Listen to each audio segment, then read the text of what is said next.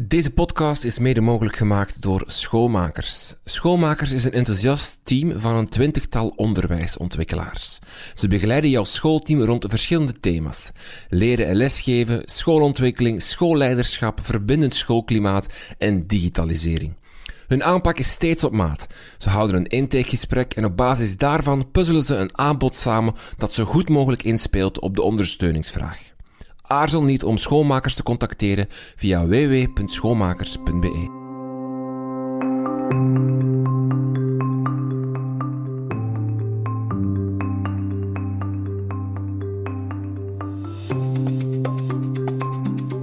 Hallo en welkom bij Buiten de. Mijn naam is Frenke van Hoek en dit is uw podcast over onderwijs.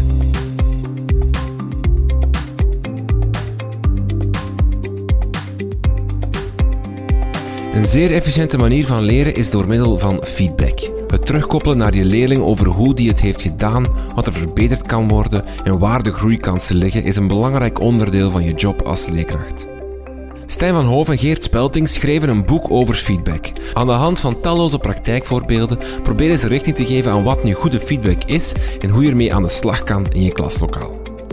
We spraken met hen over hun vijf-stappenmodel, over wat verwachtingen met feedback te maken hebben en hoe een feedbackcultuur alles bepalend is. Stijn van Hoof en Geert Speltings.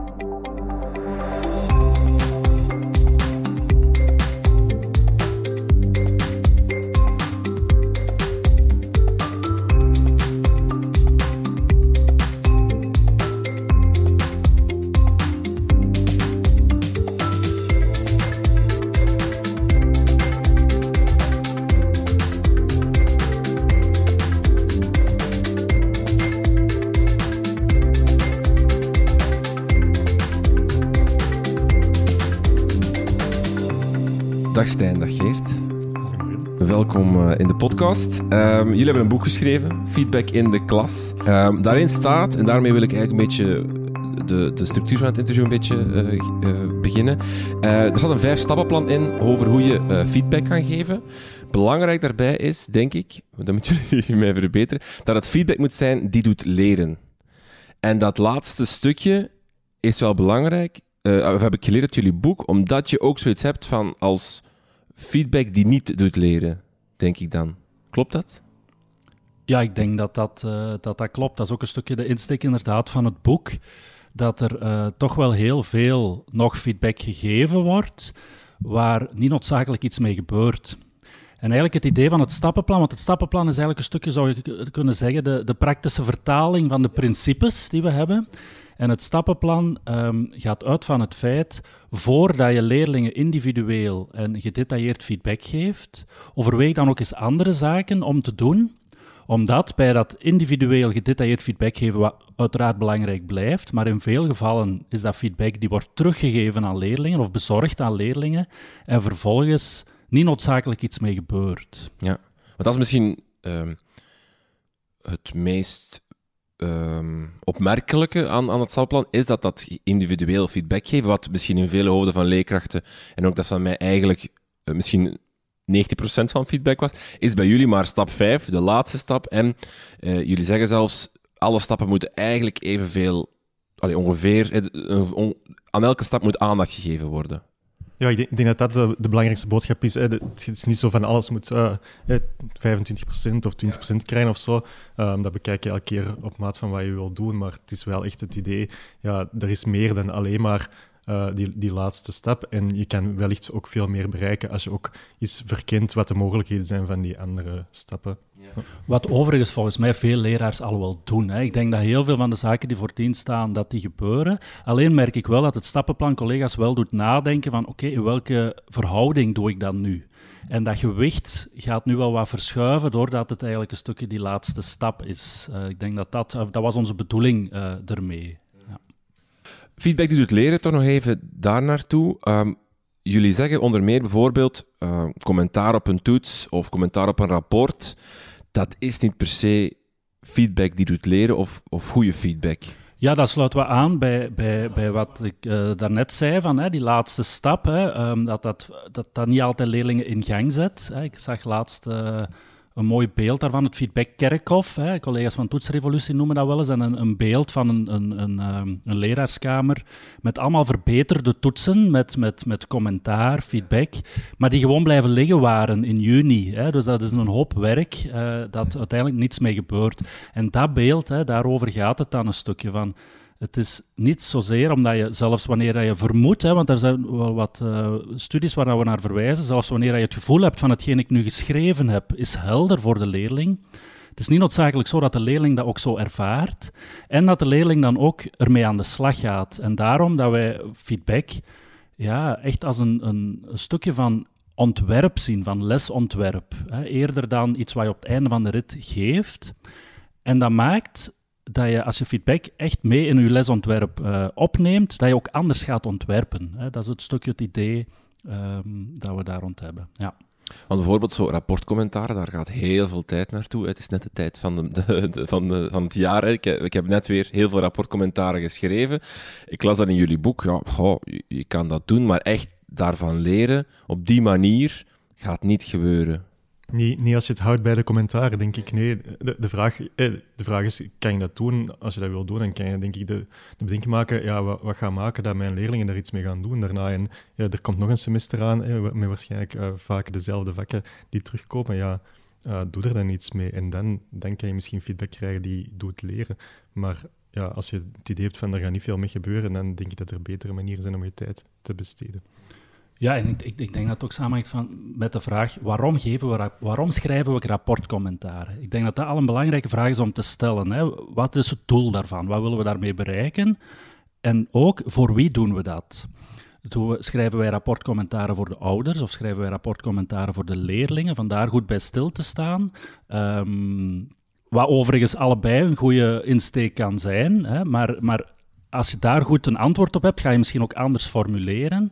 En onze stelling is wel, als je feedback schrijft op rapporten, hè, om, om leerlingen eruit te laten leren, dan zal die feedback op zichzelf niet volstaan. Mm Er moet een vervolgstap aankomen. Ja. De, Die, die, rapportcommentaar kan een eerste stap zijn, of een eerste uh, ja.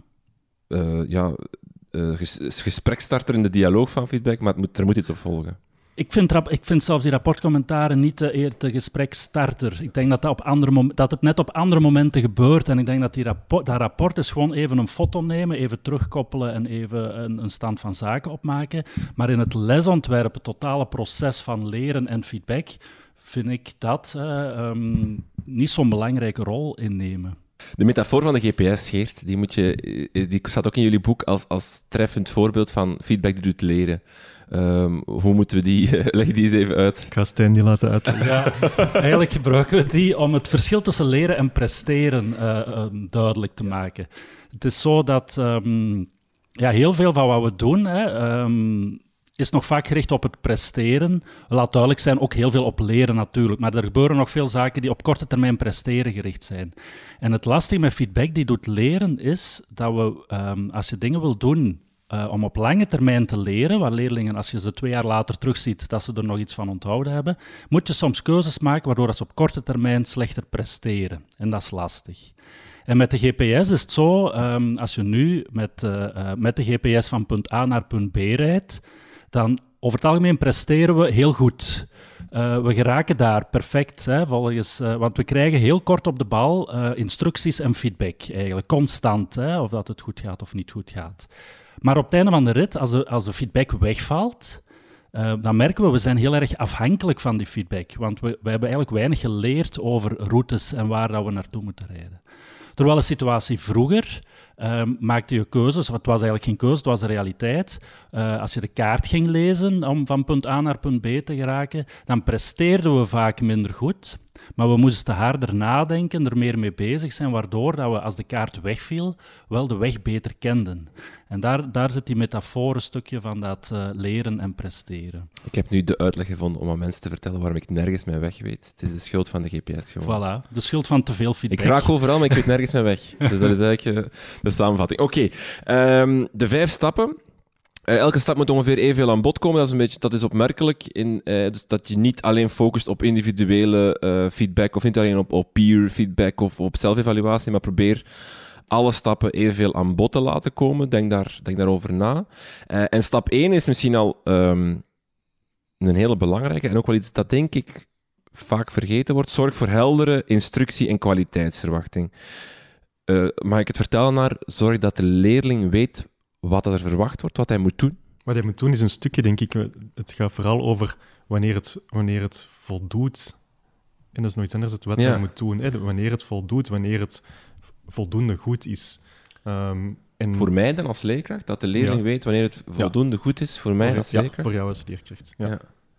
Ehm, dat hij ook weet ehm, wat. Hè, want ik denk dat bij jullie staat in het boek staat wat, wat voldoende goed of uitstekend is. Zelfs die opdeling moet hij, dat moet hij weten. Dat hij weet van oké, nu is mijn taak of mijn opdracht of mijn toets voldoende. Ik moet er dit nog aan toevoegen om het goed te maken. En uiteindelijk dit nog om het uitstekend te maken. Dat, dat, je zo, dat het zo ver mag gaan. Ja, het, het gaat volgens mij echt over kwaliteitsbesef. En, en dat is iets dat niet zo evident is, omdat dat ook vaak samenhangt met datgene wat je nog te leren hebt. En in die zin ja, hebben, verwachten we vaak, denk ik, van, van leerlingen ehm, dat zij dat besef al hebben, ehm, terwijl zij ja, de leerstof zelf nog niet geleerd hebben. En het is heel moeilijk om... Ja, ik zal, ik zal een heel, heel stom voorbeeld te geven. eh, te weten wanneer de muur goed gemetst is, als je nog nooit geleerd hebt hoe je een muur moet metsen. Ehm, dus een stukje, ja, een stukje groeit dat kwaliteitsbesef al, aldoende hè, door, door, ja, door die stappen te leren en door daar feedback en, en terugkoppeling op te krijgen. Maar de vraag is natuurlijk, ja, kan je dat kwaliteitsbesef ook al doen groeien ja, voordat je effectief al die leerstof doorgenomen hebt? Ja, en daar blijkt dat, dat, er twee zaken zijn die essentieel zijn om kwaliteitsbesef te ontwikkelen. En dat, ehm, dat is actief met voorbeelden werken en het vergelijken ook. Hè, bij wijze van spreken verschillende gemetste muren bekijken en, en daarover spreken van welke is nu beter en waarom en waarom niet. Of zelfs nog een stap verder, verschillende metsers bezig te zien ehm, en daarover eh, in discussie te gaan van waarom hè, levert die goed werk en niet. Hè. Dus dat... ehm, dat, het vergelijken van voorbeelden en daarover in gesprek gaan. Hè. Dus dat is het tweede aspect. Hè. Die, die twee zaken, voorbeelden en gesprek, die leiden tot kwaliteitsbesef. En ehm, de kern van, van onze boodschap daar is, ja, als we kwaliteitscriteria gebruiken, rubrics gebruiken, hè, we, gebruiken we gebruiken die veel om de, de kwaliteitsverwachtingen duidelijk te maken. Alleen als we die gewoon beschrijven, dan gaat dat niet volstaan. En ehm, als leraar kan het wel eens gebeuren dat we vergeten zijn dat voor ons die kwaliteitscriteria of die rubrics maar duidelijk zijn, omdat we daar jarenlang over gesproken hebben met elkaar en jarenlang voorbeelden gedeeld hebben. De vloek van de kennis. De vloek van de kennis. Ja, Ja, inderdaad. dat, is, dat, dat houdt in dat, dat je als leerkracht eigenlijk... ehm, soms heb je het gevoel als leerkracht van mijn leerling wordt elk jaar dommer om het vuile woord te gebruiken, maar eigenlijk is het omgekeerd, jij wordt slimmer, omdat je elk jaar hetzelfde geeft, je wordt er beter in, je, wordt er, ehm, ehm, je bent er beter mee, mee begaan. En daardoor is het, wordt het steeds moeilijker om het niveau of de voorkennis van je leerlingen correct in te schatten, en daardoor spring je soms wat te ver in dat je bepaalde termen gebruikt, of bepaalde ehm, uitgangspunten aanneemt die niet kloppen met de, voorkennis van, van je leerling. Leg ik het goed uit? Denk het wel. En dat het, het, hetgeen dat impliciet is, hè, je hebt een stukje dat opgeschreven staat van wat is kwaliteit, maar alles wat daaraan vasthangt en dat niet uitgeschreven staat, dat ga je dan een stukje vergeten of, of kunnen, hè, kunnen. Want dat is natuurlijk, het overkomt ons allemaal, maar zeker niet altijd.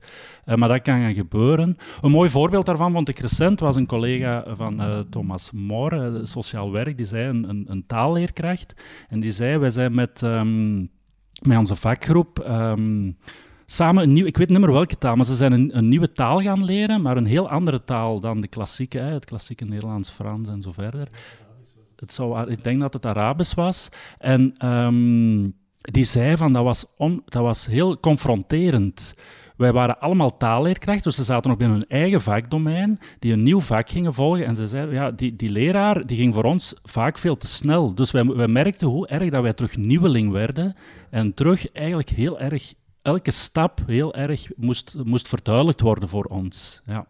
Wij bij ons, of ik, ik zal voor mezelf spreken, ik, ik zet op elke schrijfopdracht of spreekopdracht zetten wij zo'n checklist hè, van hier moet je spreekopdracht aan voldoen, omdat we helder willen zijn.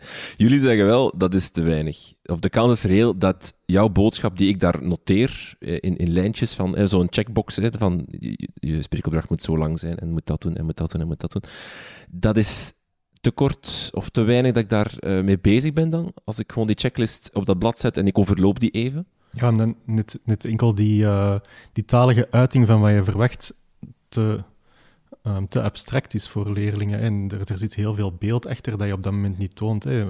We gebruiken daar wel eens de metafoor van een, uh, een, een, film of een serie waarvan je alleen de ondertitels ziet en het beeld is eigenlijk verdwenen. En ik denk dat het belangrijk is om voor leerlingen dat beeld terug helder te maken. Hè.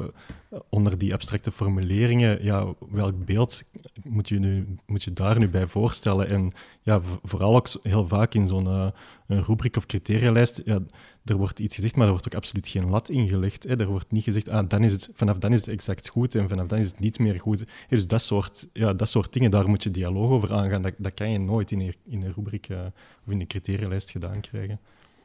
Ja, en door, er, door inderdaad ook andere werken te zien um, en te bespreken. Want dat is opvallend, hè, als, je, als je lesgeeft, als je leraar eh, lichamelijke opvoeding bent of uh, creatieve vakken, hè, muziek, uh, plastische opvoeding en zo verder.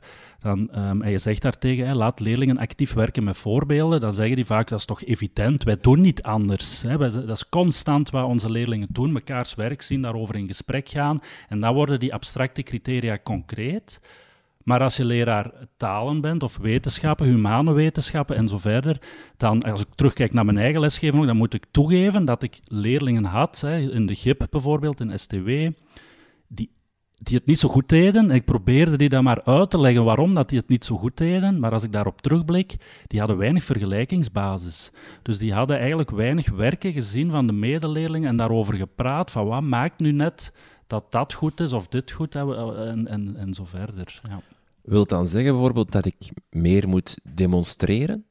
Of, en dan bedoel ik op, op alle niveaus, maar bijvoorbeeld als ik een schrijfopdracht geef, dat ik een schrijfopdracht toon, die ik misschien zelf gemaakt heb, of, of die, eigenlijk voldoet aan alle kwaliteitscriteria. Of als ik een spreekopdracht geef, dat ik zelf die spreekopdracht eerst voordoe, hoe dat ik uh, wil dat ze is. Of als leerkracht wiskunde, dat ik een bewijs of een, of een vergelijking uh, zelf aan boord oplos, luidop dan, en demonstreer hoe het, hoe het moet? Is, is, is dat dan een, ja, keyword? En, maar ik verdenk u ervan, Renke, dat je die dingen sowieso al doet. Uh, Boah, dat, en Val je door de mand, hoor. Dat, uh, dat veel leraars dat effectief al zullen doen.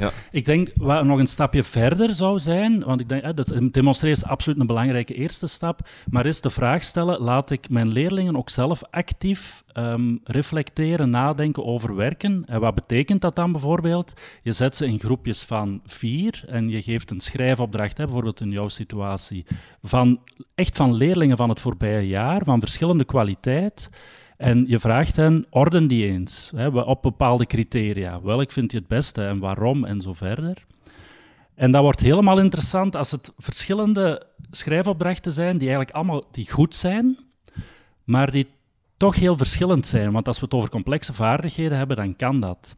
En dan komen interessante dingen naar boven. Ik had recent ook een collega die zei van, ik heb zo'n oefening gedaan en ik merkte het ging over toetsvragen, want je kan dat ook met toetsvragen doen. Hè. Verschillende antwoorden op toetsvragen aan leerlingen geven en vragen. Quoteren jullie eens, welk verdient het beste, het beste resultaat? En die collega die zei van ja, ik merkte dat de leerlingen de neiging hadden om het langere antwoord beter te vinden. Ehm, eerder dan het, het, het beknopte, uh, goed geformuleerde antwoord. En ze zei dat is een heel waardevol gesprek om, om, om het daar dan over te hebben. Dus ik denk dat dat een belangrijke stap is van laat ik met leerlingen actief voorbeelden vergelijken en daarover in gesprek gaan. Uh, de rubric, daar wil ik ook even bij stilstaan. Zijn jullie op zich voorstander van leerkrachten die werken met dat systeem? dus dus uh, een, een, een, tabelletje met, met daarin vaak uh, omschrijvingen van hoe het moet zijn. En dan kan je als leerkracht gewoon, en dan verschillende categorieën, en dan kan je als leerkracht gewoon aanduiden van de leerkracht, of de leerling heeft zo gescoord of zo gescoord. En geeft dat terug aan de leerling, en die heeft dan direct feedback en het is tijdbesparend en al die dingen. Zijn jullie op zich fan van, van dat systeem? Het antwoord is niet ja of nee, denk ik. Uh, dat mag hier, dat mag hier, dat mag hier. Idee, eh, eh, de rubriek op zich is, um, ja, is, is denk ik onvoldoende als je het ja, beperkt tot het stukje. We hebben een rubriek en daar vullen we onze feedback op in of daarmee scoren we.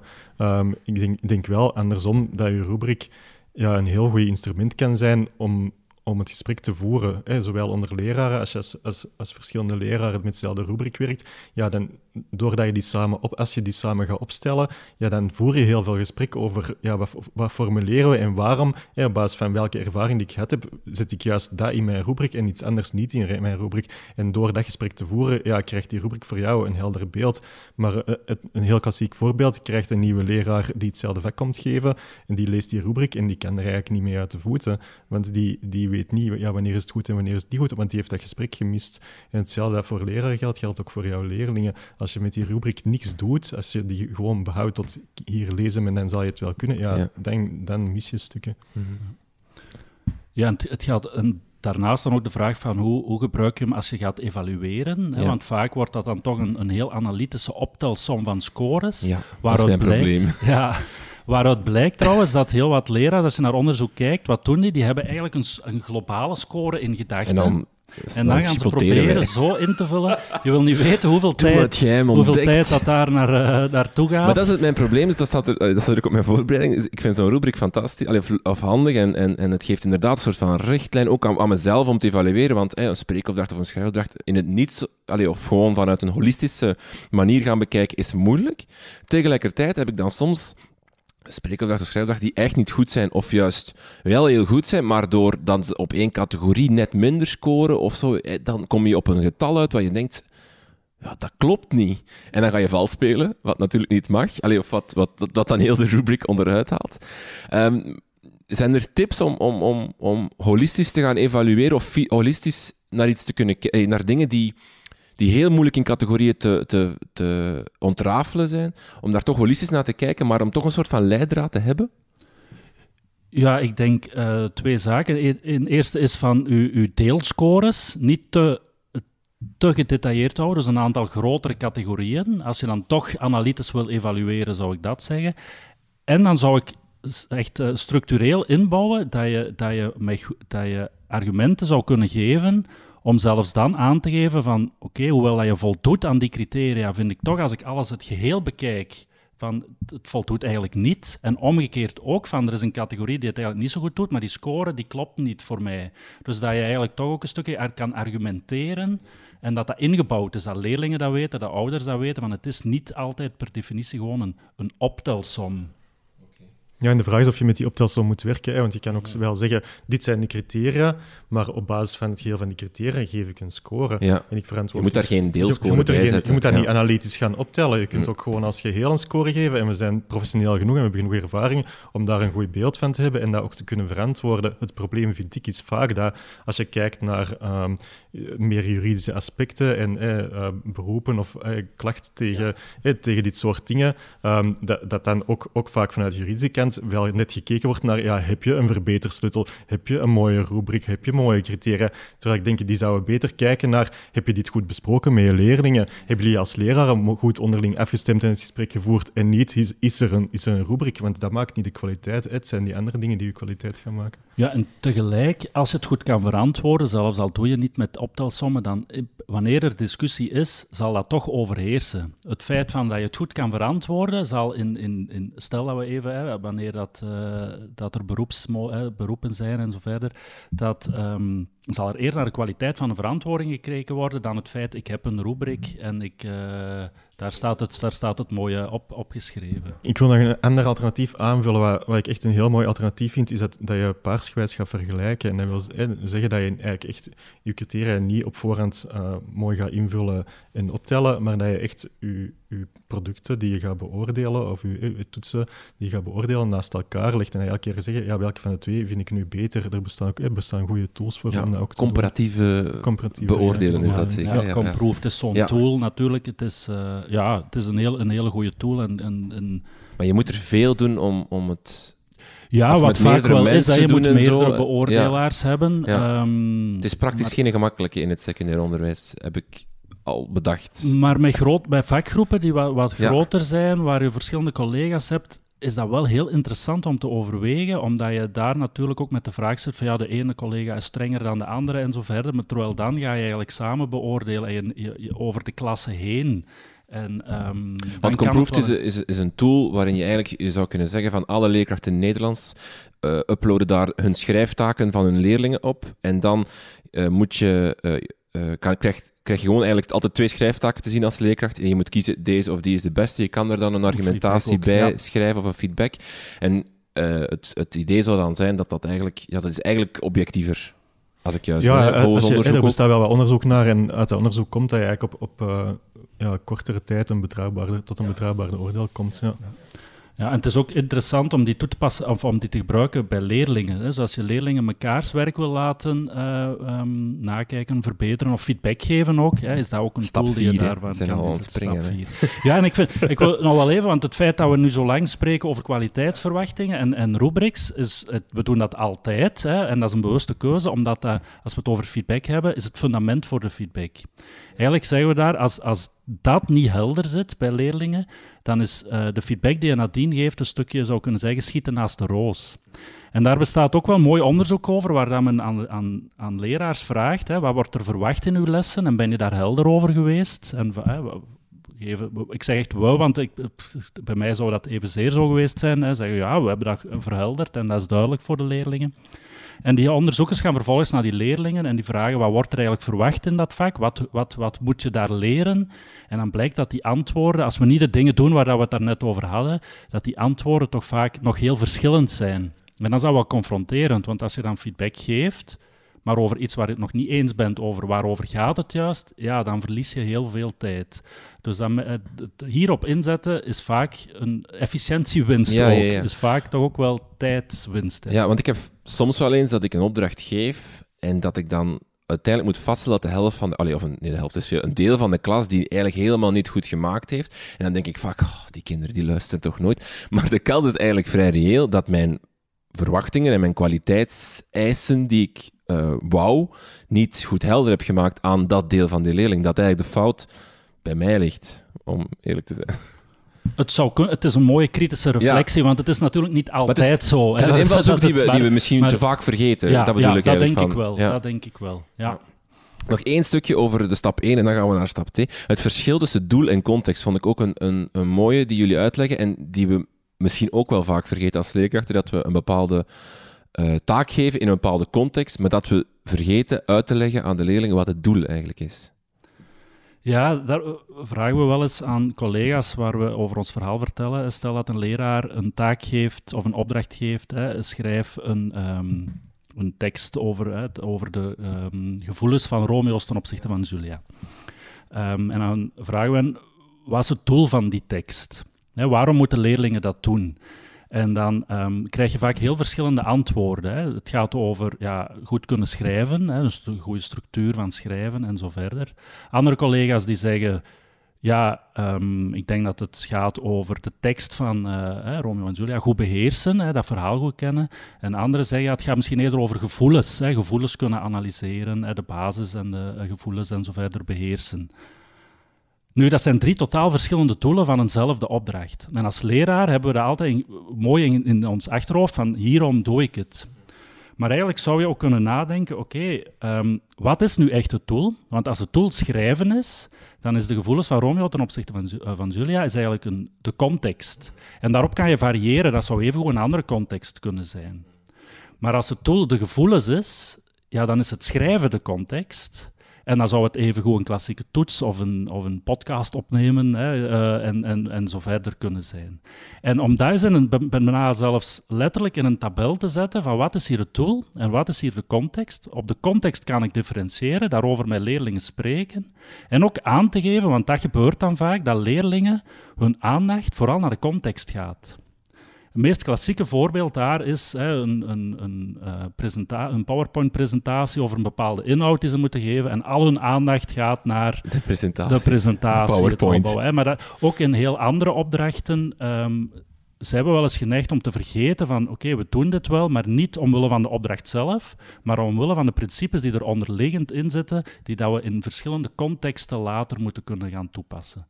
En daar merken we inderdaad, als leraars die reflectie eens maken, van ah ja, het is wel goed om dat expliciet zo te benoemen en te tonen aan de leerlingen. Uw aandacht hier, beste leerlingen, moet vooral naar dat doel gaan. Uh, stap 2 dan. Bekijk het werk vluchtig en geef feedback. Uh, een stap die misschien ook voor mij wel wat, nieuw was, dat is een soort van tussentijdse feedback, mag ik het zo uh, benoemen. Waarbij je, dat lijkt me vooral het moeilijke, je moet oppassen dat je jezelf niet in een soort van verbeter marathon gooit als je... Het moet vluchtige feedback zijn dan. Hoe, hoe, hoe, hoe, doe, hoe doe ik dat? Ja, het, het, het, de vluchtige feedback hangt voor ons samen met het principe feedback als startpunt. dat is het, het, waar feedback in de praktijk nog regelmatig een eindpunt is. Um, willen we het graag als een startpunt zien. Alleen hebben we dan het gevoel, ja, moeten we daar nog een keer extra feedback gaan geven. Hè? Dat gaat nog meer uh, verbeterwerk zijn. En vluchtige feedback, ehm, het uitgangsprincipe daar is tussentijds. Hè, het is goed om te denken van oké, taken die moeten afgegeven worden, kan ik daar tussentijds feedback geven. Maar tussentijds moet je niet het antwoord geven op de vraag: heb ik alles gezegd wat er gezegd moet worden als leraar? Maar wel weet de leerling voldoende om een, vol volgende stap te kunnen zetten. En dat maakt dat we het vaak kleiner moeten houden. En, en, we zijn geneigd als leraar, we willen graag volledig zijn. Het is heel moeilijk om niet alles te zeggen wat er te zeggen valt. Maar dat is vaak overweldigend voor leerlingen en ze gaan misschien eerder vastlopen dan wanneer dat ze het klein houden. En een paar voorbeelden, misschien moet ik niet uh, meteen op allemaal ingaan, maar is bijvoorbeeld klassikaal feedback geven valt daaronder. Of met uh, kleurencodes werken, um, een plan van aanpak uh, indienen. We, bespreken daar een aantal mogelijke concrete werkvormen. Um, opnieuw, die niet gaan over individueel in detail feedback geven, maar die toch maken dat leerlingen een volgende stap kunnen zetten. Maar dus om het concreet te maken, bijvoorbeeld leerlingen zijn bezig met wiskundeoefeningen. Jij loopt rond als leerkracht, je kijkt naar die oefeningen, bij spreken een paar minuutjes. Je komt tot twee of drie dingen die je al een paar keer fout zien gaan hebben. Je legt de, stel even stil, uh, legt de les even stil en je geeft die twee, drie feedback uh, opmerkingen die je hebt gezien bij verschillende leerlingen die fout lopen, geef je klassikaal mee. Dat is een soort van uh, vluchtige tussentijdse feedback die, die, die wel effectief is.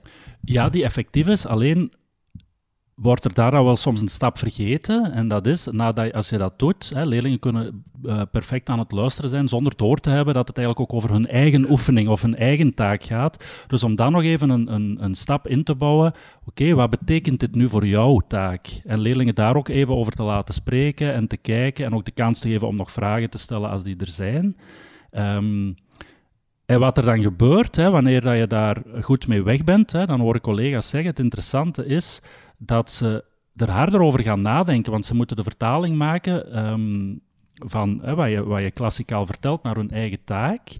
Terwijl als ik individueel en gedetailleerd feedback geef, dan moeten de leerlingen soms alleen maar, hè, ik zeg wel eens, accept all changes klikken, um, eigenlijk doen wat, er daar, wat, wat jij als leraar al hebt aangeduid. En dus in die zin, die klassikale is niet alleen efficiënter, tijdsefficiënter, maar zet ze soms ook meer aan het, aan het denken. Ja. Maar dat komt wel nog een paar keer terug. De, zo, de stap achter het gewoon vertellen wat er misloopt, is zo de stap bij de leerling dan leggen van oké, en nu moet jij iets actief doen om daarmee te doen. Jullie schrijven ook voor, je kan ook live feedback geven. Eh, je gaat even naast de leerling staan en je zegt, dit loopt fout. Belangrijk dan, zeggen jullie, laat de leerling dat dan noteren of daar, of daar iets mee doen. Verder dan gewoon inderdaad ja knikken, ah, het loopt fout en, en, en hup, je gaat verder. Ja, daar is zo'n feedbackschriftje of een, of een elektronische manier waarin dat de leerlingen in handen hebben. Want dat is daar wel een belangrijke. Hè? Dus niet uh, opnieuw een administratielast voor de leraars, maar dat de leerlingen in handen hebben kan daar heel waardevol zijn. Dus zij noteren, dat schriftje blijft misschien zelfs in de klas of niet, en zij kijken daar soms nog eens naar terug en zo verder. En ik hoorde onlangs een, uh, vond ik echt een, goede, in, in, gewoon in het taalgebruik uh, van een collega Renske de Klein, die zei, ja, wij spreken eigenlijk niet van de ontvanger van feedback, wij spreken van de gebruiker van feedback. En dan, ja, dan lig je ineens een heel andere positie bij, bij degene die de feedback krijgt. Ik wil er graag een, voorbeeld van geven. Van stel in het lagere school misschien, maar nee, ik denk middelbaar ook wel. Um, spelling, um, en ik zie het bij mijn kinderen ook. Dus ze krijgen een toets terug en de spellingsfouten zijn aangeduid. En soms schrijft de leraar het juiste woord erbij. Um, en moeten leerlingen er niets mee doen. En ik weet niet, bij mijn kinderen doen er dan ook niets mee. Tenzij, ja, ze hebben natuurlijk wel de pech dat een, ouders, of een uh, ouder in het onderwijs staat, dan word je soms wel in gang gezet. Maar soms kiezen leraren er dan wel voor om ze toch de fouten die ze maken te laten overschrijven. En schrijf de woorden die je fout hebt drie keer, drie keer over. Maar nog een stap verder zou bijvoorbeeld zijn dat de leerlingen de woorden die ze fout hebben, schrijven hun eigen feedbackschriftje. En dat je op regelmatige basis um, dat schriftje er even bij neemt, leerlingen per drie zet en zegt: vraag nu eens woordjes af die je in de vorige keer een fout had. En uh, van zodra dat je het vijf keer juist hebt, dan, is, dan beschouwen we het als gekend. Want in de vorige situatie waarin de leerling, als wanneer dat hij het fout heeft, het wel even moet overschrijven, dan ga je weer die focus van op het presteren leggen. Die gaat goed presteren op dat moment, want die kan het gewoon overschrijven. Maar de vraag is, heeft hij het op lange termijn geleerd? En door met dat feedbackschriftje te werken, dat soms eens terug vast te pakken, zet je meer in op het lange termijn leren. Hmm. Stap 3. Laat leerlingen zichzelf feedback geven. Uh, zelfreflectie, zelfevaluatie, mag ik het zo noemen? Ja, die stap, laat leerlingen zichzelf feedback geven, ik vind dat die heel erg raakt aan um, dat kwaliteitsbesef waar we daar straks over gesproken hebben. Um, dus om, om ja, voordat ze indienen, bijvoorbeeld vanuit de voorbeelden die ze gezien hebben, zichzelf al eens te situeren van oké, waar als je naar die voorbeelden kijkt en je kijkt naar jouw werk, um, waar situeer je jezelf, waar gaat het al goed, waar gaat het niet zo goed en zo verder. Um, wat daar ook onder valt, is om, om in, het, in het feit dat individuele feedback wel eens overweldigend kan zijn, is leerlingen, wanneer ze iets indienen, zelf te laten aangeven waar wil ik feedback op. Of ook weer tussentijds. Hè, van, Oké, stel hè, dat je als leraar zegt, want het is soms goed om van feedback een schaars goed te maken, dat je zegt, er is één kans om tussentijds feedback te krijgen en dat leerlingen, je laat ze reflecteren over hun eigen werk door de vraag te stellen, waar, op welk stuk van jouw werk wil jij uh, feedback krijgen? Mhm. Jullie noemen dat in, in het boek, uh, je moet van leerlingen feedbackzoekers maken. Um, ze, ze, in plaats van dat ze soms nu misschien een beetje feedback vrezen of denken, oeh, dat is het evaluatiemoment en het puntenmoment, moet het juist iets worden waar ze eigenlijk constant, of, of echt, echt dat ze willen krijgen feedback, omdat ze het zien als iets dat hun werk kan verbeteren. Ja, ik denk dat dat een stuk een, houding is die, die ook aan je leerlingen wil aanleren. Hè. Dat is ook de manier waarop ze, denk ik, ook, ook later in hun in job kunnen blijven leren. Ehm, door, door zelf actief op zoek te gaan naar, naar die feedback. En tegelijkertijd zie je ook in onderzoek dat um, leerlingen die uh, of, of, mensen in het algemeen die zichzelf al evalueren, ja, dat die meer openstaan voor feedback van anderen daarna. dus dus door, door zelf die reflectie te maken, ja, ga je een stuk mindset ook wel creëren die die openheid, openheid creëert om die feedback van anderen te krijgen en daar effectief iets mee te doen. Ja, wat, ik daar wel een interessante vind, is om dat echt ook in te bouwen. Hè. Een structurele stukje, uh, ook doorheen de jaren. Um, omdat je die boodschap dan wel geeft van kijk, feedback is ook uw eigen verantwoordelijkheid. En bij taken, zeker bij grotere taken die ze indienen, door ze bijvoorbeeld bovenaan te laten noteren aan wie dat ze voor dat ze ingediend hebben feedback gevraagd hebben. En je kan dat stapsgewijs opbouwen. Je kan zeggen bijvoorbeeld dat je um, in een eerste fase als school nog wel zelf feedbackgevers voorziet. Ik denk nu maar bijvoorbeeld aan praktijkvakken, een, een, een bakkersopleiding of een, of een fotografie. Maar ik kan het voor elk vak hoor. Maar dat je eigenlijk vaste mensen in hun netwerk hebt waar al leerlingen terecht kunnen om een bepaalde taak alles te laten, te laten bekijken en feedback geven. En ze, geven dan, ze, ze duiden dan aan, bij wie ben je geweest, wat heb je daaraan gehad. De tweede fase moeten ze het zelf doen. Dus er natuurlijk nog wel de kans, als ze dat netwerk niet hebben, om ondersteuning te krijgen. En in de derde fase ja, ga je ervan uit, dan ga je dat in dat gesprek ook wel meenemen van heb je eigenlijk feedback gevraagd voordat je, um, voordat je ingediend hebt. We hebben een fantastisch voorbeeld, vind ik, bij uh, webdesign, bij multimedia en creatieve technologie bij ons. En uh, die docent die, die, die benoemt dat stukje van de les als uh, bring your own mom, breng je eigen mama mee. en dus die doet, laat effectief elke student zijn eigen ouder, een van de ouders meebrengen. Um, en op, op het moment dat alle studenten van de klas een website klaargemaakt hebben en die ouders die moeten feedback geven over usability. Is die, is die website, is, die, is dat simpel voor mij? Is dat bruikbaar? Kan ik daaraan uit? En dus er ligt... De, elk student zet zijn laptop open, er ligt een blad papier naast die laptop. En die ouders die gaan gewoon langs al die websites en die noteren: dit lukt mij wel, dit lukt mij niet. En op een uur tijd hebben die massa's feedback verzameld waar die verder mee aan de slag kunnen.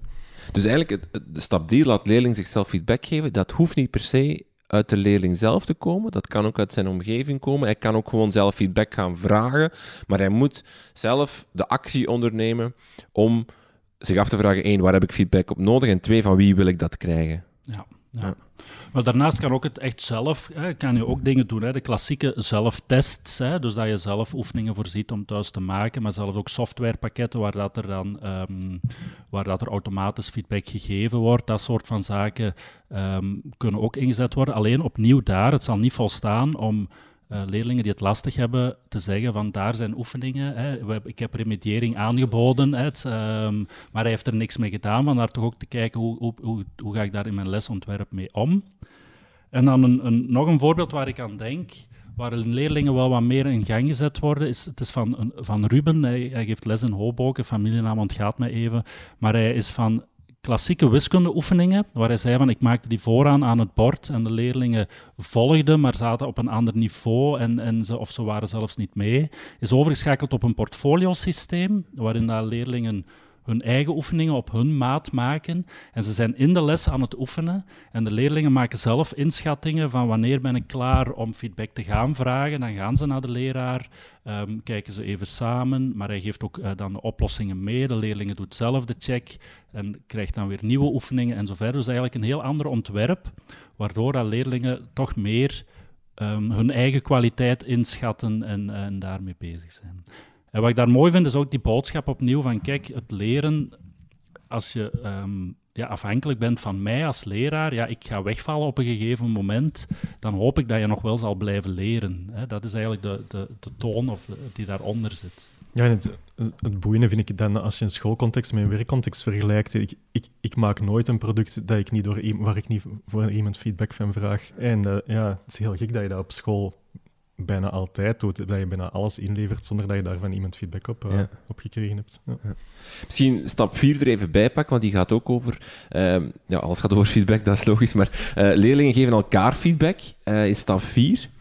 Een soort van, van peer feedback die daar dan bij komt kijken. Um, in welke vormen kan je dat... Of misschien eerst, waarom is dat belangrijk, dat leerlingen elkaar feedback geven? Om verschillende redenen. Ik denk een... een um een eerste is dat, uh, dat kwaliteitsbesef. Hè? Dus het feit van doordat je feedback geeft, want dat vergeten we vaak, we gaan ervan uit dat de ontvanger um, degene is die het hardste leert, maar het is degene die feedback geeft, vaak die het hardste leert, omdat die voorbeelden analyseert. Zitten we opnieuw bij uh, bij ons start van ons gesprek. Hè? Dus die is actief die voorbeelden aan het analyseren. Daarnaast, wanneer dat ze de leerlingen het kunnen, is het ook een, eh, een hele efficiënte manier om feedback te krijgen. Vaak zelfs, en niet altijd, want ik wil daar zelfs wel iets over zeggen, maar vaak zelfs beter geformuleerd dan dat we als leraar doen. Dus er zijn wel wat collega's die zeggen van ja, de leerlingen geven dat op zo'n, in zo'n taal, of geven op die manier feedback, dat, ze, dat het beter binnenkomt dan wanneer ik het, wanneer ik het zelf zeg. Maar dan zijn er wel een aantal voorwaarden nodig om dat, om dat goed te doen, want daar lopen veel collega's uh, ook wel tegenaan. Mm Voorwaarden zoals? Ja, um, nu het meest klassieke verhaal is, hè, ja, peer feedback. Um, ze geven, ze geven elkaar... Het is allemaal goed. Ja, hè? het is allemaal... Hoge scores. Allemaal hoge scores. Uh, zeker hun vriendjes en hun vriendinnetjes geven ze hoge scores. Wel, er zijn een aantal adviezen dat we daar rond, rond zouden kunnen geven. Een eerste is, peer feedback, um, doe dat maar wanneer ze kwaliteitsbesef hebben. Dus dat betekent, vaak gebeurt het te snel. Dus dat ze nog niet de basis hebben om het te kunnen doen. En dan um, zeggen we wel eens, ja, doe het voor die dingen die leerlingen vaak moeten doen. Ik heb een STW-les gegeven, dan moet ik onmiddellijk aan reflecteren denken. Of in een uh, natuurwetenschappen uh, labo-verslagen. Of het maakt niet uit, dingen die dat ze regelmatig doen, waardoor dat ze uh, op een gegeven moment wel weten waarover dat, dat gaat. Een tweede is, vraag niet um, welke score zou je geven, hè, hoe goed vind je dit werk, maar vraag vooral wat vind je goed aan dit werk. En de tweede vraag is, um, wat zou uw medeleerling kunnen doen om dit werk te verbeteren? Is eigenlijk een cadeau. Hè, want eigenlijk, mogen eigenlijk krijgen de kans om samen te werken als leerling. Want je zegt, we mogen elkaar echt gewoon verder helpen. Maar dat is anders dan rubrics invullen of scores geven. Hè, dus het is echt feedback geven. Um, dan is het ook de vraag van durf vergelijken. Is ook een, uh, een, een, advies dat we daar wel eens geven. In die zin, durf leerlingen eens rond de tafel zeggen, per vier, en zeggen maar eens, orden jullie werken eens. Op dit criterium, op dit criterium. Um, dan wel eens, maar is dat niet confronterend soms? En, en dat, dat moet je zeker meenemen. Hè? Dus een veilige context is daar belangrijk. Maar je kan soms tegen de leerlingen zeggen, ja, het is beter nu confronterend dan met het examen. Want nu hebben we de kans om er nog, om er nog mee aan de slag te gaan. En een laatste advies ehm, is: laat degene die feedback krijgt reageren op de feedback. Geef die het laatste woord. die stap wordt ook wel eens vergeten. Laat die zeggen: Dank wel voor uw feedback, ik kan ermee aan de slag. Of ik begrijp het eigenlijk niet wat je bedoelt, of ik ben het er niet mee eens. Het is eigenlijk de, degene die feedback krijgt, die het laatste woord zou moeten krijgen. En dat kan je als leraar misschien zelfs in een, in een rondje doen, hè. kort even van oké, je hebt nu feedback gekregen, wat pik je mee? Om dat van elkaar ook te horen van oké, wat, wat, wat, heeft wat heeft die daaruit geleerd, wat heeft die daaruit geleerd? En, en, en dan krijgt de feedbackgever ook de, zelf weer feedback. Heeft mijn, heeft mijn medeleerling er iets aan gehad of niet? Is die laatste stap dan ook belangrijk om, om wat we al een paar keer gezegd hebben, om die feedbackkrijger aan de slag te zetten, om die, die denkoefening te laten maken, oké, wat ben ik hier nu mee, wat ga ik nu veranderen, wat ga ik nu anders doen? En is dat misschien dan ook wel een, een soort van rode draad die we hier gedetecteerd hebben? Namelijk, feedback is een dialoog en is, is echt een gesprek waar, waar... En de tweede stap, dus het tweede deel van de dialoog, namelijk de, de terugkoppeling, die mag je echt niet vergeten, want dan, dan ben je niet aan feedback aan het doen. Ja, en door die leerlingen in die andere rol te zitten, als je, als leerlingen elkaar feedback laat geven, dan zet je die leerlingen een beetje in je leerkrachtrol. En, en, door dat te doen, ja, werk je ook aan die feedbackgeletterdheid van die leerling. En gaat die zich verplaatsen in een andere positie. En gaat hij ook merken, ah, als ik iets zeg en mijn medeleerling doet er niks mee aan, wat ligt het dan? Of heb ik het, is het niet helder geformuleerd? En ja, daardoor begin je ook wel bij andere dingen stil te staan. Ja, en dan mag je echt niet vergeten dat je dan echt aan die feedbackgeletterdheid aan het werken bent omdat we ooit wel eens, als je daarop inzet, dan heb je wel eens het gevoel van het gaat wat trager vooruit. Als je uitgaat van ik moet alles gezien hebben en de druk van het curriculum die is er gewoon, hè, van de eindtermen. Um, tegelijk is, is dat wel belangrijk om in het achterhoofd te houden. Van, kijk, dit is ook, dat zijn belangrijke aspecten van, van leren. En opnieuw, het verschil tussen leren en presteren. Als we uitgaan van de druk eh, van ik moet alles gezien hebben, dat is vaak een situatie waarin dat we op dat presteren inzetten, op korte termijn presteren, en dat lange termijn leren wel eens uit het oog, uit het oog verliezen.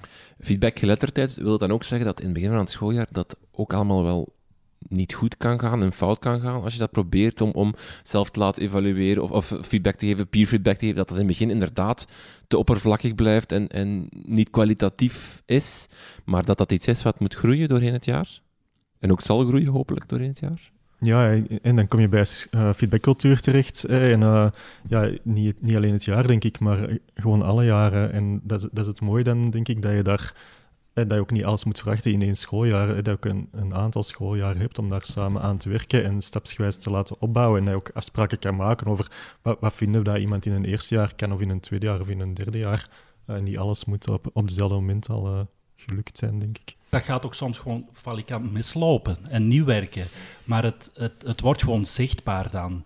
Terwijl wanneer dat je, misschien wat klassiek, frontaal je les geeft, um, en je hebt het gevoel, ik heb het nu wel allemaal gezien, ja, dan weet je ook niet wat er in die hoofden van die leerlingen gebeurt. Dus vaak is het dan ook misgegaan, alleen ligt het minder open en bloot aan tafel. Hè. Dus je, kan, je, je, je, maakt het wel zichtbaar op een bepaalde manier. En tegelijkertijd, uh, wij als volwassenen vinden het vaak ook niet zo evident om goed feedback te geven of te te ontvangen en er iets mee te doen, te gebruiken. ja. dus, uh, dat zijn organisaties waar de meest uh, voorziene vorming voor collega's ook. Hè. Dus het feit dat het bij leerlingen niet altijd lukt, is niet, uh, niet verrassend. Ja. Die feedbackcultuur, het woordje is gevallen. Um, ik wou ermee eindigen, omdat het, het, is, het is iets dat... Jullie eindigen jullie boek er ook mee. Het is iets cruciaals, denk ik, om, om, om aan goed feedback te doen, dat er een soort van feedbackcultuur heerst op je school. Je zou de omgekeerde vraag kunnen stellen en zeggen, wat als het er niet is? Ja, maar dat is misschien wel een vraag voor vele leerkrachten die, die, niet in, die niet het gevoel hebben dat hun school een feedbackcultuur heeft, maar wel zelf dat willen doen. Zitten zij... Het is wel goed om het eerst, wat verstaan we onder feedbackcultuur? Want je kan er op verschillende niveaus naar kijken. Zeg maar stil. Ja, ja. nee, feedbackcultuur kan gaan over, de twee, over de, de, het aspect van een, een, een, manier waarop dat wij als leraar feedback geven aan leerlingen om daar routines in op te bouwen. Maar het kan ook gaan, hoe geven wij als leraars feedback aan elkaar? En het is interessant, maar dan ga ik Geert terug het woord geven, want hij gaat dat beter kunnen uitleggen, dat er daar vaak parallellen zijn. Dus dat hoe dat onder collega's feedback gegeven wordt, ook hoe dat leidinggevende, die moet dan eigenlijk summatief evalueren, hè, uh, hun, zijn uh, medewerkers, daar zien we vaak interessante parallellen. Ja, en dan boeit dan een stukje feedbackcultuur is dat stuk cultuur daarin zit. Hè. En cultuur, dat gaat, dat gaat over heel veel dingen die niet zo zichtbaar zijn. Hè. Die, die niet, vaak niet benoemd worden of vaak niet meteen uh, je bewust van bent. En uh, het is het zijn vaak bijvoorbeeld de nieuwe collega's in een school die merken, ah, hier is het toch anders dan in mijn vorige school. Of als je op een bepaald moment op zoek gaat naar een, naar een andere school, dat je merkt van, maar jullie doen dat zo, dat zou bij ons nooit gebeuren. En, en, en, dat zijn dan de momenten, denk ik, waarop die cultuur een stukje meer uh, zichtbaar wordt. Iets wat anders uh, misschien wat evident was of een wat blinde vlek is soms, dat het zo gebeurt en niet anders kan. Um, en ik denk in het algemeen, voor mij, feedbackcultuur is, is die cultuur die ervoor zorgt dat feedback op een goede manier kan gebeuren en goed gebruikt wordt. En het, het belangrijkste daarin, denk ik, is dat je, um, ja, dat je erover kan praten en, en samen een stuk kan uitkomen in hoe doen we dit, hè, hoe doen we dit op een goede manier en dat je daar een stuk uh, gedeelde visie op hebt en gedeelde praktijk in hebt. Hè, dat die visie niet alleen in de hoofd zit, maar ook uh, als je ergens in een klas komt, dat je ook ziet dat, dat het effectief zo gebeurt. En dus verder dan alleen maar leerkracht-leerling, maar een feedbackcultuur zit ook tussen leerkrachten in, tussen directie leerkrachten. Ja, en, Als ja, daar goede feedback wordt gegeven, zal die ook beter worden gegeven in ja, de klas. Ja, en ik denk dat je, dat je ook als, als directeur of coördinator of eh, iemand met een coördinerende functie eh, daar heel sterk het voorbeeld in kan geven. en dat je, dat je ook een stuk kan, eh, op die manier model kan zijn voor wat je graag ziet gebeuren in een klas. Misschien even zwart-wit uh, voorbeeld. Stel een, uh, een, leerkracht wiskunde koopt jullie boek, leest dat, is van, helemaal onder de indruk, zegt dit wil ik ook gaan doen. Maar zijn collega's zijn daar niet mee bezig, ehm, zijn, doen niet aan feedback, zwart-wit zei ik net al. Predik je dan in de woestijn, in de zin van, krijg je dan nooit je klas mee, omdat jij de enige leerkracht bent die daar misschien vier of vijf uur dat komt toepassen, en, en krijg je dan nooit die attitude zo ver? Of, denk, of kan je als leerkracht dat wel klaarspelen in, binnen jouw vak, binnen jouw eigen uurtjes in die klas? Je kan altijd dingen klaarspelen in je klas, denk ik, maar het, het maakt, je, het maakt er niet meer gemakkelijker op. Hè. Ja, leerlingen hebben gewoon andere verwachtingen en plots, plots eh, zeg je tegen leerlingen, ja, het is nu aan jullie. Hè. En die leerlingen gaan misschien zeggen, ja, maar ja, het is toch aan jou om ons feedback te geven. Ja, waarom moeten wij het werk allemaal doen? Um, dus je gaat botsen tegen een aantal dingen die, die leerlingen ondertussen als gewoonte ervaren. Um, en als je, als je daar niet mee start vanaf je eerste jaar, ja, dan, dan moet je daar tegen ingaan als leraar. En dan moet je heel goed kunnen uitleggen waarom je dingen anders doet dan alle andere collega's. Ja, en, en dat, dat gebeurt effectief, hè, dat collega's dat aangeven. Van, uh, ik ben, ben helemaal mee, ik wil ermee experimenteren. En die doen ook dingen in de klas. Maar dan bots je op een gegeven moment toch wel aan de grenzen van, van waar dat je echt het gesprek met de vakgroep of de school moet, uh, moet voeren. Net omdat een aantal keuzes die we hier maken, zal de leerlingen niet op korte termijn tevredener maken, omdat ze harder moeten denken. Hè. De gewenste moeilijkheden wordt dat dan in onderzoek vaak genoemd. Um, en als ze ervaren van ja, bij jou moeten we dat wel doen en bij collega's niet, ja, dan, dan geeft dat wel wat, soms wat moeilijkheden. Terwijl op lange termijn, en dat hoor ik ook collega's zeggen, van dat leerlingen wel teruggeven. Um, maar ik heb er wel veel aan gehad. Alleen moet je wel geduld hebben vooraleer dat ze tot die, tot die indruk of tot die conclusie komen. Want in het begin is het soms omgaan met weerstand bij leerlingen, komt er, komt er ook bij kijken. En dan goed uitleggen, ja, maar waarom? Waarom doen we het op deze manier? Het zal u meer doen leren dan wanneer ik, het, dan wanneer ik uh, heel gedetailleerd feedback geef waarop dat jij alleen maar, hè, zoals daar straks gezegd, accept all changes moet, uh, moet klikken. Ja. Stap 5 dan, de laatste. Geef individuele en gedetailleerde feedback. Uh, misschien nog een aantal daar uh, pointers die je daarbij geven, is beperk het aantal commentaren of opmerkingen of feedback dingetjes die je vertelt. Niet, less is more. Ja, als je, als je wil dat leerlingen ermee aan de slag gaan, dan denk ik dat het wel goed is om, om focuspunten te kiezen. En duidelijk te maken van dit is het eerste om mee aan de slag te gaan. En collega's worstelen daar wel eens mee, omdat natuurlijk naar evaluatie toe wil je ook wel dat je een, een correct beeld geeft. Hè, dat leerlingen op het einde van de rit niet denken van ja, maar je hebt maar drie punten gezegd en uh, nu heb ik ineens een onvoldoende, dus ik dacht hè, en zo verder. Daar kan het ook wel helpen om feedback en evaluatie uit elkaar te houden. Dus dat je aangeeft van kijk, um, dus dat je leerlingen de boodschap geeft van het is nog niet voldoende zoals het nu is. Hè. Daar, daar, moet ik eerlijk in zijn, dat is niet voldoende. Maar het zou je ook niet helpen als ik elk detail van wat er nodig is, als we dat nu gaan bespreken, laten we eens kijken wat zijn de eerste punten om aan te werken. En daar zijn we, daarvoor zijn we net hier. Er is tijd om eraan te werken. We gaan er nog wel kunnen komen dat het wel voldoende wordt. Eerder dan meteen al die punten uh, te overlopen. Iets waar ik zelf enorm veel tegen geworsteld heb. En als ik daarop terugblik, ik zie de lichaamstaal van mijn leerlingen nog als ik dan al die punten begon te overlopen. Um, dus dat, dat, dat kan inderdaad helpen om die focus goed goed te kiezen. Ja.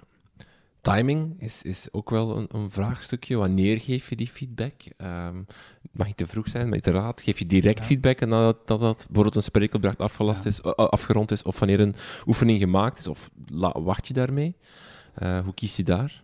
Ja, er, er heerst vaak het idee, feedback komt best zo snel mogelijk. Maar dat zouden we wel willen nuanceren, want feedback komt inderdaad best zo snel mogelijk, vaak.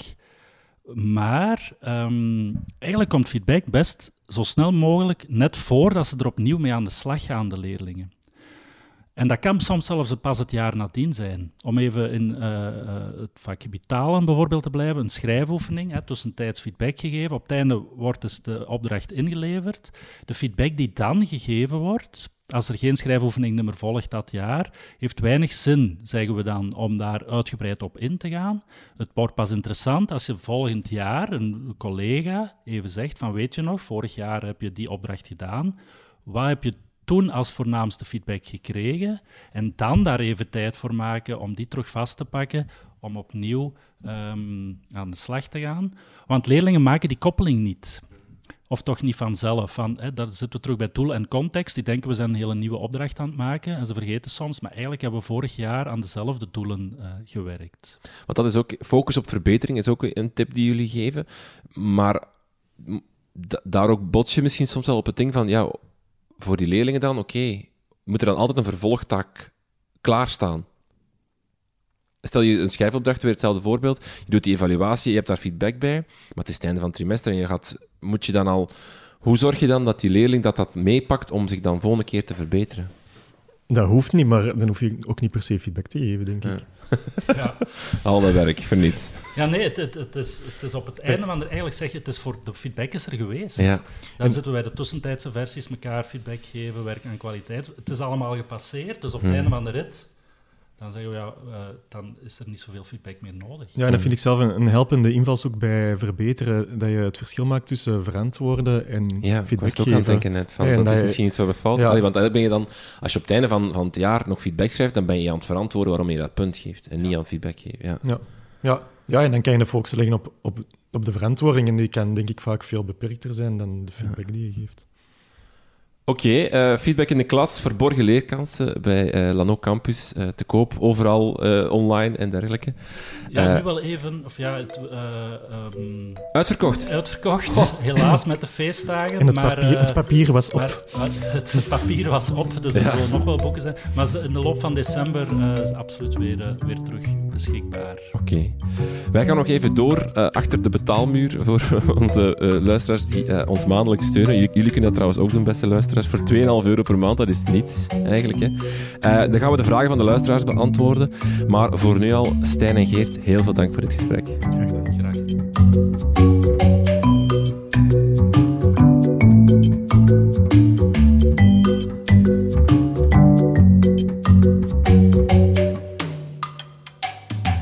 Dit was het dan weer voor deze aflevering van Buiten de Krijtlijnen. Wil je meer horen over deze podcast, dan kan je terecht op onze Facebook, Twitter of Instagram. Of ga eens grasduinen op onze website. Er zijn nog meer dan 90 andere afleveringen waar je naar kan luisteren. Je vindt ze allemaal op www.dekrijtlijnen.be. Wil je graag toegang tot extra bonusmateriaal, zoals de antwoorden van Stijn en Geert op de luistervragen? Ga dan naar onze website en word vriend van de show. Voor slechts 2,5 euro per maand kan jij vriend van de show worden. De prijs van een kop koffie en je krijgt een heleboel extra luistermateriaal voor in de plaats.